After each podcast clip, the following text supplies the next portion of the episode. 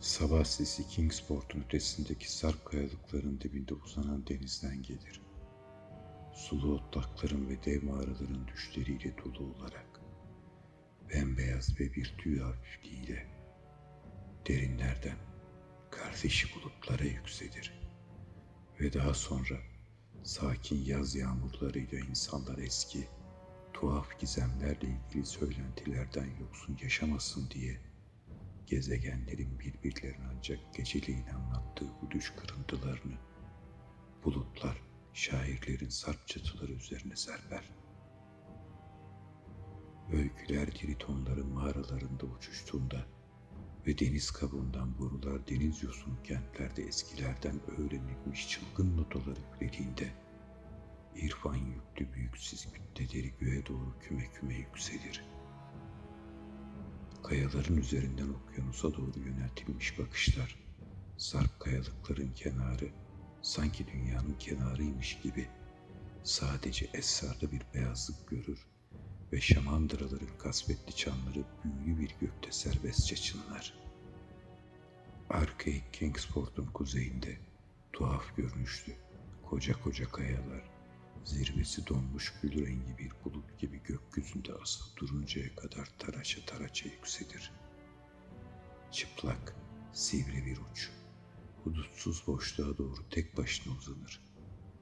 Çünkü orada ormanlık arazilerin masallarıyla New England tepelerinin küçük, tuhaf anılarını taşıyan büyük miskatonik nehrinin arkamın ötesindeki düzlükten denize döküldüğü yerde sahil birden dikleşir. Kingsport'un denizci halkı bu uçuruma başka yerlerin insanların kutup yıldızına bakması gibi bakar ve bu kayalık zaman zaman büyük ayı, koltuk takım yıldızını ve eşler takım yıldızını gözlerden saklar ya da ortaya çıkarır. Siz yıldızları veya güneşi örter. Örtüğünde gök kubbe gerçekten görünmez olur.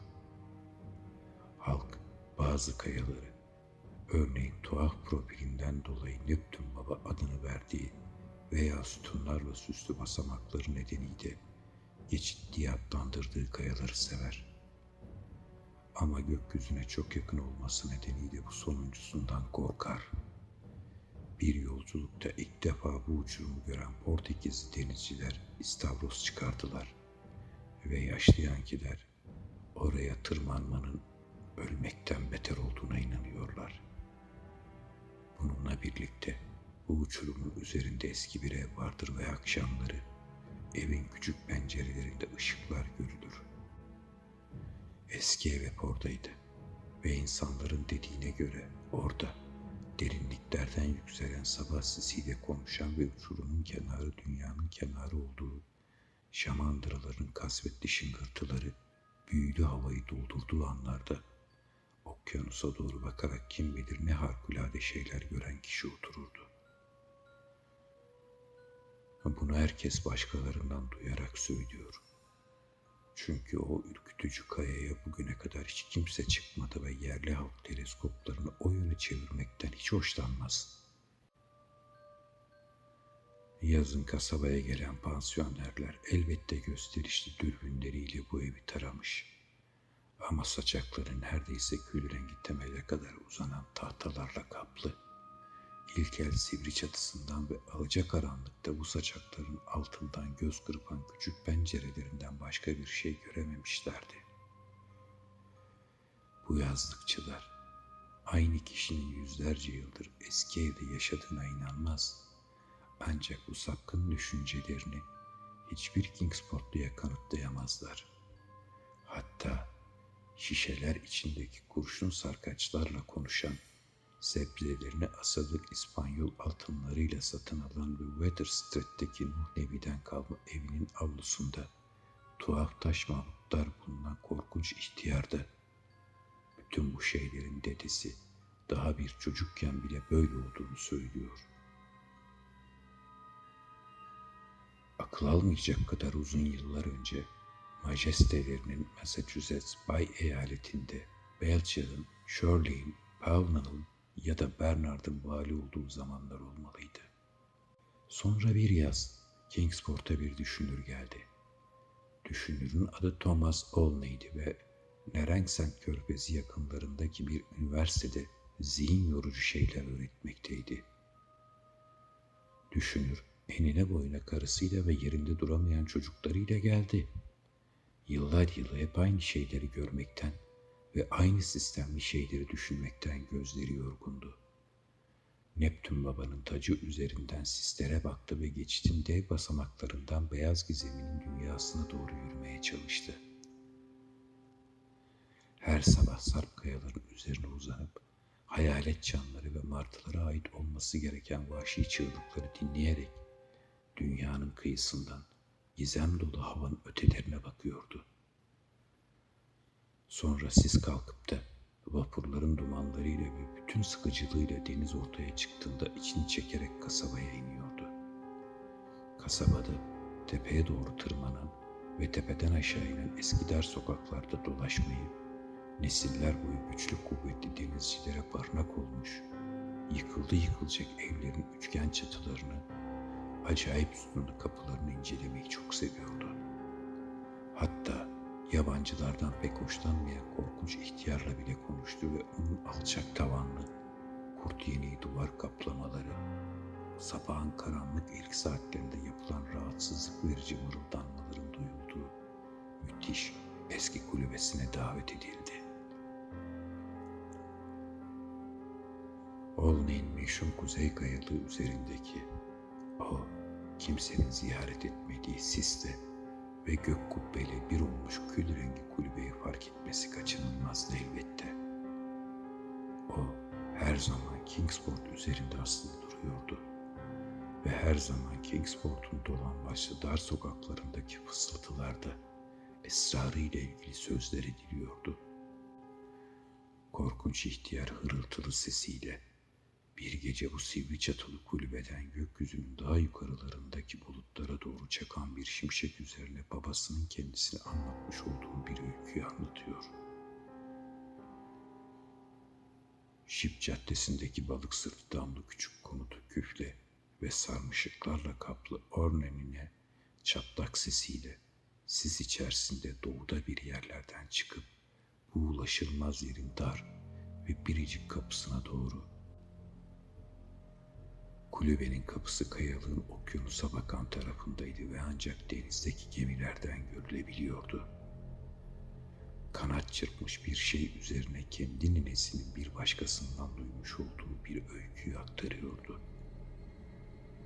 Sonunda yeni ve tuhaf şeylere karşı büyük bir açlık duyan ve ne Kingsportların korkusu ne de yazlıkçıların her zamanki tembelliği kendisine ayak bağı olan Alney korkunç bir karara vardı. Tutucu bir eğitim almış olmasına rağmen Olney herkesin korkup uzak durduğu kuzeydeki bu sarp uçuruma tırmanacağını ve gökyüzündeki bu inanılmaz derecede eski kulübeyi ziyaret edeceğine yemin etti. Sağduyusu bu yerde oturanların kara tarafından Miskatonik nehrinin denize döküldüğü yerin yakınlarındaki tırmanması daha kolay olan taraftan gelen insanlar olması gerektiğini söylüyordu. Muhtemelen oturdukları yerden Kingsport'ların pek hoşlanmadığını bildiklerinden, belki de Kingsport tarafından inemediklerinden arkamda alışverişteydiler. Olney daha küçük uçurumlar boyunca büyük kayanın gök cisimleriyle yoldaş olmak üzere bir kule gibi yükseldiği yere kadar gitti. Ve dışarıya doğru çıkıntı yapan bu güney yamacından hiçbir insanoğlunun tırmanmasına ya da inmesine imkan olmadığına kesinlikle kanaat getirdi. Kaya, doğu ve batı yönlerinde de denizden itibaren binlerce ayak yüksekliğine dimdik çıkıyordu. Böylece geriye sadece batı yönü arkama doğru olan kara tarafı kalıyordu. Olney, Ağustos ayında bir sabah erkenden ulaşılmayan zirveye çıkan bir patika bulmak üzere yola koyuldu. Kuzeybatı yönünde Hopper göletinin ve eski tuğla baruthanenin ötesindeki sevimli arka yollar boyunca Piskatonik nehrinin yukarısındaki yeşil tepelere, fersahlarca ötedeki Arkham'ın George tarzı kulelerinin görüldüğü yere kadar yürüdü. Burada arkama doğru uzanan gölgeli bir yol bulduysa da deniz yönünde görmeyi umduğu patikadan eser yoktu. Irmak ağzının her iki yanındaki yükseltileri ağaçlıklar ve uzun otlar bürümüştü. Ama insanın varlığını gösteren hiçbir işaret yoktu. Ne duvar ne sürüden ayrılmış bir inek. Sadece uzun otlar, dev ağaçlar ve ilk yerlinin görmüş olması gereken birbirine dolaşık çalılar. Irmak ağzındaki koyu solunda bırakarak daha yükseklere tırmanıp denize daha fazla yaklaştıkça tırmanmanın giderek güçleştiğini gördü. Ve bu nahoş yerde oturanların dünyanın dışına nasıl ulaştıklarını ve arkamda alışveriş yapmak üzere sık sık buradan inip inmediklerini merak etti. Sonra ağaçlar seyreldi ve solunda, aşağılarda Kingsport'un tepeleriyle antik çatılarını ve kulelerini gördü. Bu yükseklikten bakınca kentin ortasındaki tepe Central Hill bile cüce görünüyordu. Altında korkunç mağaralar ve delikler bulunduğu rivayet edilen hastanenin yakınındaki mezarlığı güç bela seçebildi. Olney'in önünde seyrek otlar ve bodur yaban mersini çalıları uzanıyor. Onların da ötesinde çıplak kayalar ve üzerinde eski evin durduğu ince zirve bulunuyordu. Sonra Olney'in tırmandığı sırt daraldı ve Olney gökyüzündeki yalnızlığı içinde başının döndüğünü hissetti. Güneyinde Kingsport'un üzerindeki korkunç kayalık uçurum vardı. Kuzeyinde nehrin ağzına doğru dimdikinen neredeyse bir mil yüksekliğinde sarp bir yamaç. Ansızın önüne üç metre derinliğinde bir yarık çıktı. Elleriyle kayaların kenarına tutunup aşağı sarkarak eğimli bir yüzeye atlamak, sonra da karşı duvardaki tehlikeli bir geçitten tırmanmak zorunda kaldı. Esrarengiz evde oturanların dünya ile gökyüzü arasında gidip geldikleri yol herhalde bu olmalıydı. Olney yarığın öte tarafına tırmanırken sabah sis çökmeye başlamıştı. Ama Olney ilerisindeki mağrur ve kutsallıktan uzak kulübeyi açıkça görüyordu. Duvarları kayalarla aynı rengi almıştı ve yüksek üçgen çatısı deniz tarafından gelen süt beyazı buharlara kafa tutar gibi yükselmekteydi. Olney, kulübenin karaya bakan tarafında kapısı bulunmadığını, sadece 17. yüzyıl tarzı camları kurşunla tutturulmuş birkaç kirli pencere bulunduğunu fark etti. Olney'in dört bir tarafı bulutlarla çevrilmişti. Tam bir keşmekeş içindeydi. Aşağısındaki sınırsız beyazlığın altında hiçbir şey göremiyordu. Gökyüzünde bu tuhaf ve rahatsız edici evle yapayalnızdı.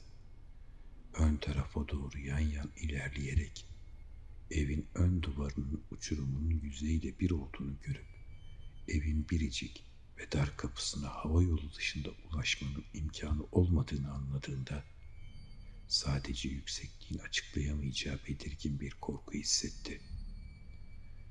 Ve böylesine kurt yeni tahta çatı kaplamalarının ve böylesine ufalanmış tuğlaların hala bir bacayı ayakta tutmasına çok şaştı. Sis koyulaşırken Olney sürünerek kuzeydeki, batıdaki ve güneydeki pencereleri yokladı. Ama hepsinin de kapalı olduğunu gördü. Bundan belli belirsiz memnun oldu. Çünkü evi tanıdıkça içine girme isteği azalıyordu. Sonra bir ses onu durdurdu. Bir anahtarın kilitte döndüğünü, kilit dilinin düştüğünü duydu ve ağır bir kapı yavaşça, ihtiyatla açılıyormuş gibi uzun bir gıcırtı sesi geldi kulağına. Ses, Olney'in göremediği, dar kapının denizden binlerce ayak yükseklikteki sisli gökyüzüne açıldığı, okyanus tarafından geliyordu. Sonra kulübeden telaşsız, ağır ayak sesleri geldi ve Olney pencerelerin açıldığını duydu. Önce karşı duvardaki kuzeye bakan pencere. Sonra köşeye yakın olan batıdaki pencere açıldı. Bundan sonra sıra Olney'in durduğu taraftaki pencerede, büyük saçakların altındaki güneye bakan penceredeydi ve Olney bir tarafında iğrenç ev, öbür tarafında derin bir uçurum olduğunu düşündüğünde rahatsızlıktan öte şeyler hissetti. Yakınındaki pencere kasasından sesler geldiğinde Olney yeniden batıya doğru kaydı ve şimdi açık bulunan pencerenin altındaki kayaya iyice kendini yapıştırdı. Ev sahibinin dönmüş olduğu açıktı. Ama karadan ya da düşünebilecek bir balon ya da hava gemisiyle de gelmemişti. Kulübeden yeniden ayak sesleri iştirdi ve Olney kuzey tarafına döndü. Ama kendine bir sığınak bulamadan yumuşak bir ses ona seslendi. Olney ev sahibiyle karşılaşmak zorunda olduğunu anladı.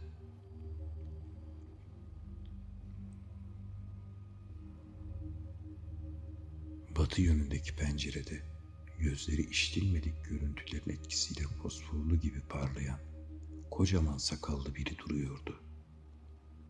Ama sesi yumuşaktı ve tuhaf eski sözcükler kullanıyordu. Bu yüzden esmer tenli bir el uzanıp pencere pervazını aşmasına ve duvarları kararmış meşe kaplı, Tudor uslubu oymalı eşyalarla döşeli, basık odaya girmesine yardım ettiğinde Olney korkuyla ürpermedi. Adam çok eski giysiler giymişti ve üzerinde denizlerle ilgili derin bir bilginin ve uzun kalyonların düşlerinin aylası dolaşıyordu. Olney, adamın anlattığı olağanüstü şeylerin çoğunu, hatta adamın kim olduğunu bile anımsamıyor. Ama adamın çok tuhaf ve kibar olduğunu, zaman ve uzanın sonsuz boşluğunun büyüsüyle dolu olduğunu söylüyor. Küçük oda sudan yansıyormuş gibi görünen donuk bir ışıkla yemyeşildi ve Olney, doğuya bakan pencerenin açık olmayıp sisli havaya karşı eski şişelerin dibi gibi sımsıkı kapalı olduğunu gördü. Bu sakallı ev sahibi genç görünüyor ve bakışları eski efsanelerle ilgili çok şey bildiğini anlatıyordu.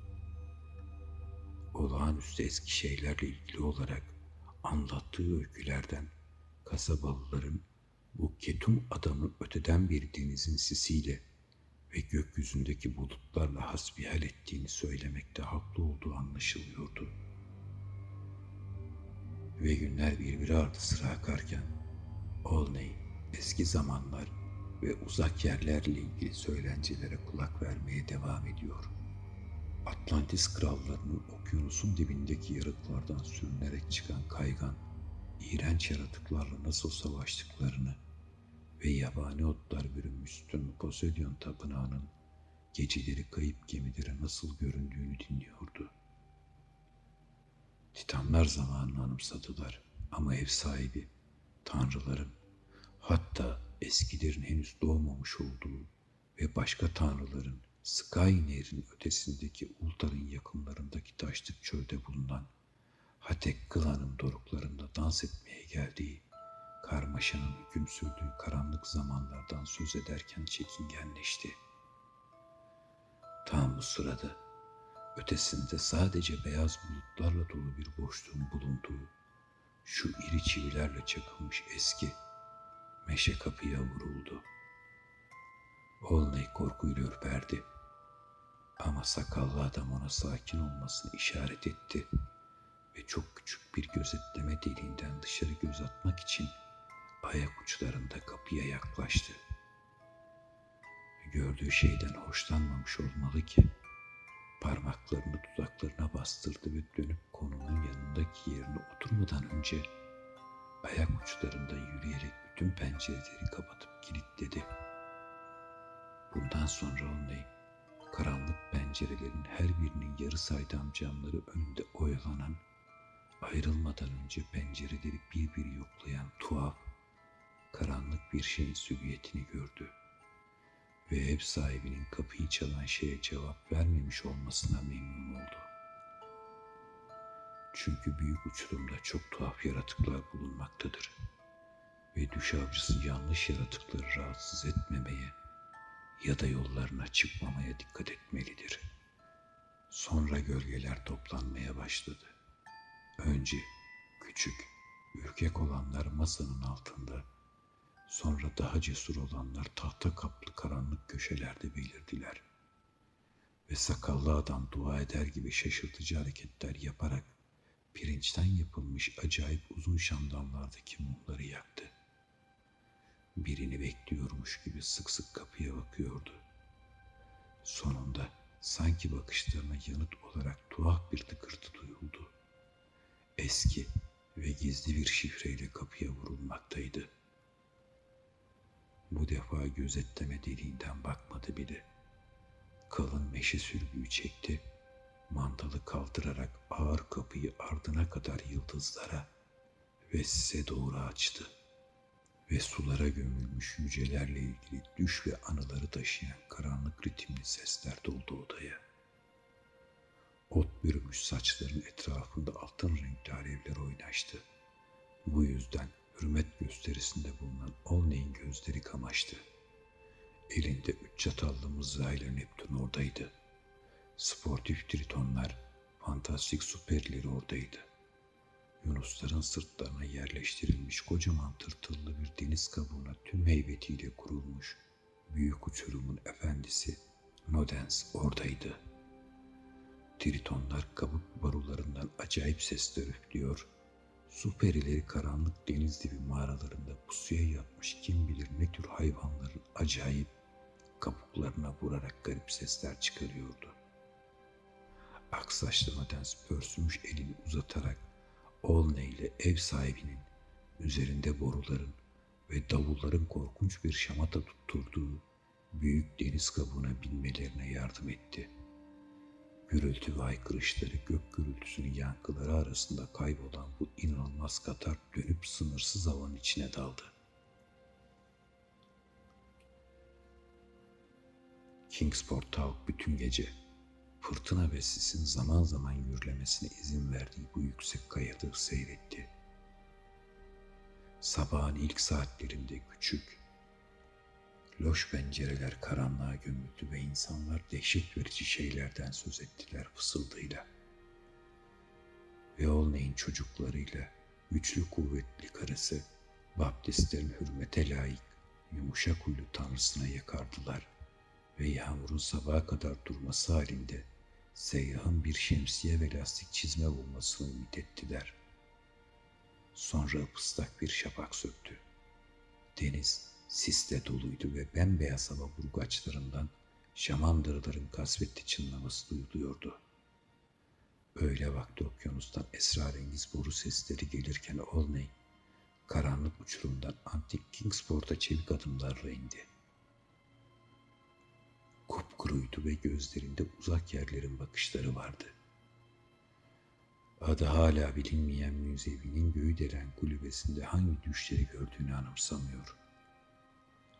Bugüne kadar hiçbir insan ayağının değmediği sarp kayalıktan nasıl indiğini bilmiyordu. Bu konuları korkunç ihtiyar dışında hiç kimseyle konuşmadı. Korkunç ihtiyarsa sarp uçurumdan inip gelen bu adamın kayalığa tırmanan aynı adam olmadığını, gri çatılı kulübede ya da akıl almaz mesafelere kadar uzanan bembeyaz, tekinsiz sisler içinde bir yerlerde bir zamanlar Thomas Olney olan adamın kayıp ruhunun dolaşıp durmakta olduğuna yeminler ederek uzun beyaz sakalının altından garip şeyler geveledi daha sonra. Ve düşünür bu saatten sonra Saçları ağrıp bedeni güçsüz düşünceye kadar geçen uzun, sıkıcı yıllar boyunca çalışıp çabaladı.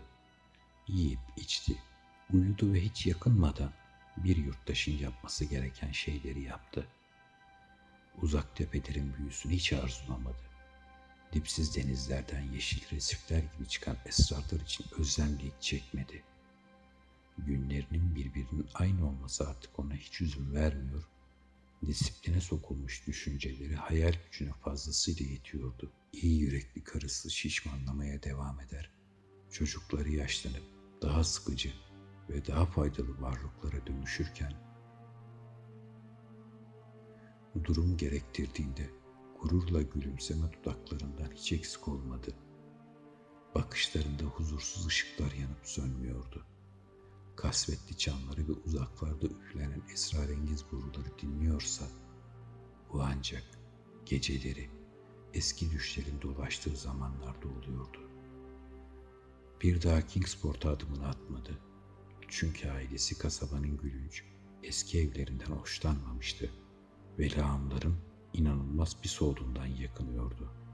Şimdi yanı başında sarp kayalıklar bulunmayan, tüm çevresi uygar ve çağdaş bir yer olan Bristol yaylasında tek katlı şirin bir evleri var. Ama Kingsport'ta tuhaf öyküler anlatılıyor. Korkunç ihtiyar bile dedesinin anlatmamış olduğu bir şeyi kabul ediyor. Çünkü şimdi rüzgarlar kuzey yönünden gökyüzüyle bütünleşmiş eski evin ötesinden tüm şiddetiyle estiğinde Kingsport'un deniz kıyısındaki kulübelerin üzerine ezelden beri çökmüş olan tekinsiz sessizlik sonunda paramparça oluyor. Ve yaşlılar şarkı söyleyen sesler, dünyevi olmayan bir neşeyle atılan kahkahalar duyduklarını, akşamları eski kulübenin küçük pencerelerinin eskisinden daha parlak bir ışıkla aydınlandığını söylüyorlar. Ayrıca sarp kayalıkla üzerindeki kulübe, çılgın parıltıların önünde kapkara ve fantastik bir silüet çizerken, kuzeyindeki maviliğin donmuş bir dünyanın görüntüleriyle daha sık ve daha şiddetli bir şekilde aydınlandığını da söylüyorlar. Ve sabahları daha yoğun bir sis çöküyor. Denizciler denizden gelen boğuk can seslerinin şamandıraların sesleri olduğundan eskisi kadar emin olamıyorlar.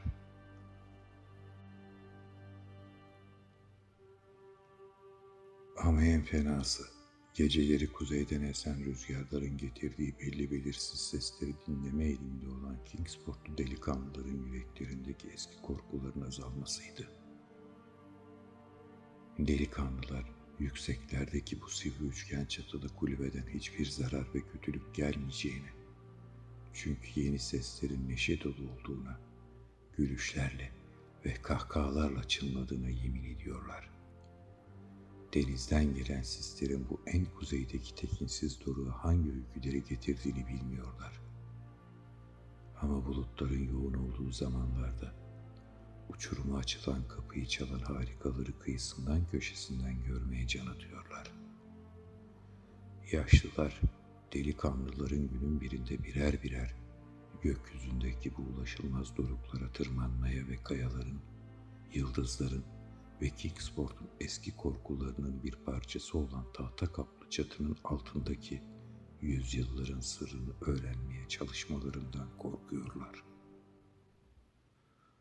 Onlar bu serüvenci delikanlıların geri döneceklerinden hiç kuşku duymamakla birlikte delikanlıların gözlerinde bir ışığın, yüreklerinde bir isteğin yok olmasından korkuyorlar. Sislerin ve düş bulutlarının denizden gökyüzüne doğru giderken dinlenmek üzere tepesinde bir an için duruladığı bu bilinmeyen ve korku verici kartal yuvasındaki sesler ve kahkahalar giderek güçlenirken yokuşlu yolları, arkaik üçgen çatılarıyla antika Kingsport'un yıllar boyu keyifsiz, kasvetli bir hayat sürmesini istemiyorlar. Yaşlılar, delikanlıların ruhlarının sevecen yüreklerini ve eski Kingsport'un balık sırtı damlı meyhanelerini terk etmelerini istemiyorlar.'' Bu yüksek kayalık yerden gelen kahkahaların daha fazla güçlenmesini de istemiyorlar. Çünkü gelen yeni sesler denizlerden ve kuzeyin taze ışıklarından yeni sisler getirmiş olduğuna göre daha fazla sesin, daha fazla sis ve daha fazla ışık getireceğini ve sonunda eski tanrıların belki de soğuk çöldeki bilinmeyen Gadat'tan ayrılıp kendi halinde yaşayan balıkçı bir halkın Latif tepelerine ve vadilerine bu kadar yakın olan bu şeytani kayalık uçurumun mesken tutacağını söylüyorlar. Bunu istemiyorlar. Çünkü basit insanlar bu dünyaya ait olmayan şeyleri hoş karşılamazlar. Üstüne üstlük korkunç ihtiyar sık sık Olney'in kulübede tek başına yaşayan kişiyi korkutan kapı çalınışın ve kurşunlu yarı saydan pencerelerden görülen karanlık ve acayip bir gölgeyle ilgili olarak anlattığı şeyleri anımsıyor. Ama bütün bunlara yalnızca eskiler karar verebilir. Bu arada kimsenin görülmediği ama kuzey rüzgarları tuhaf şenlikleri anlatırken akşamın kaçamak ışıklar getirdiği, saçakları neredeyse yere değen, kül rengi evin bulunduğu baş döndürücü uçurumun doruklarında sabahsız toplanmaya devam ediyor. Sabah sisi, sulu çayırların ve dev mağaraların düşleriyle dolu. Bembeyaz ve bir tüy hafifliğiyle derinlerden kardeşi bulutlara yükselir.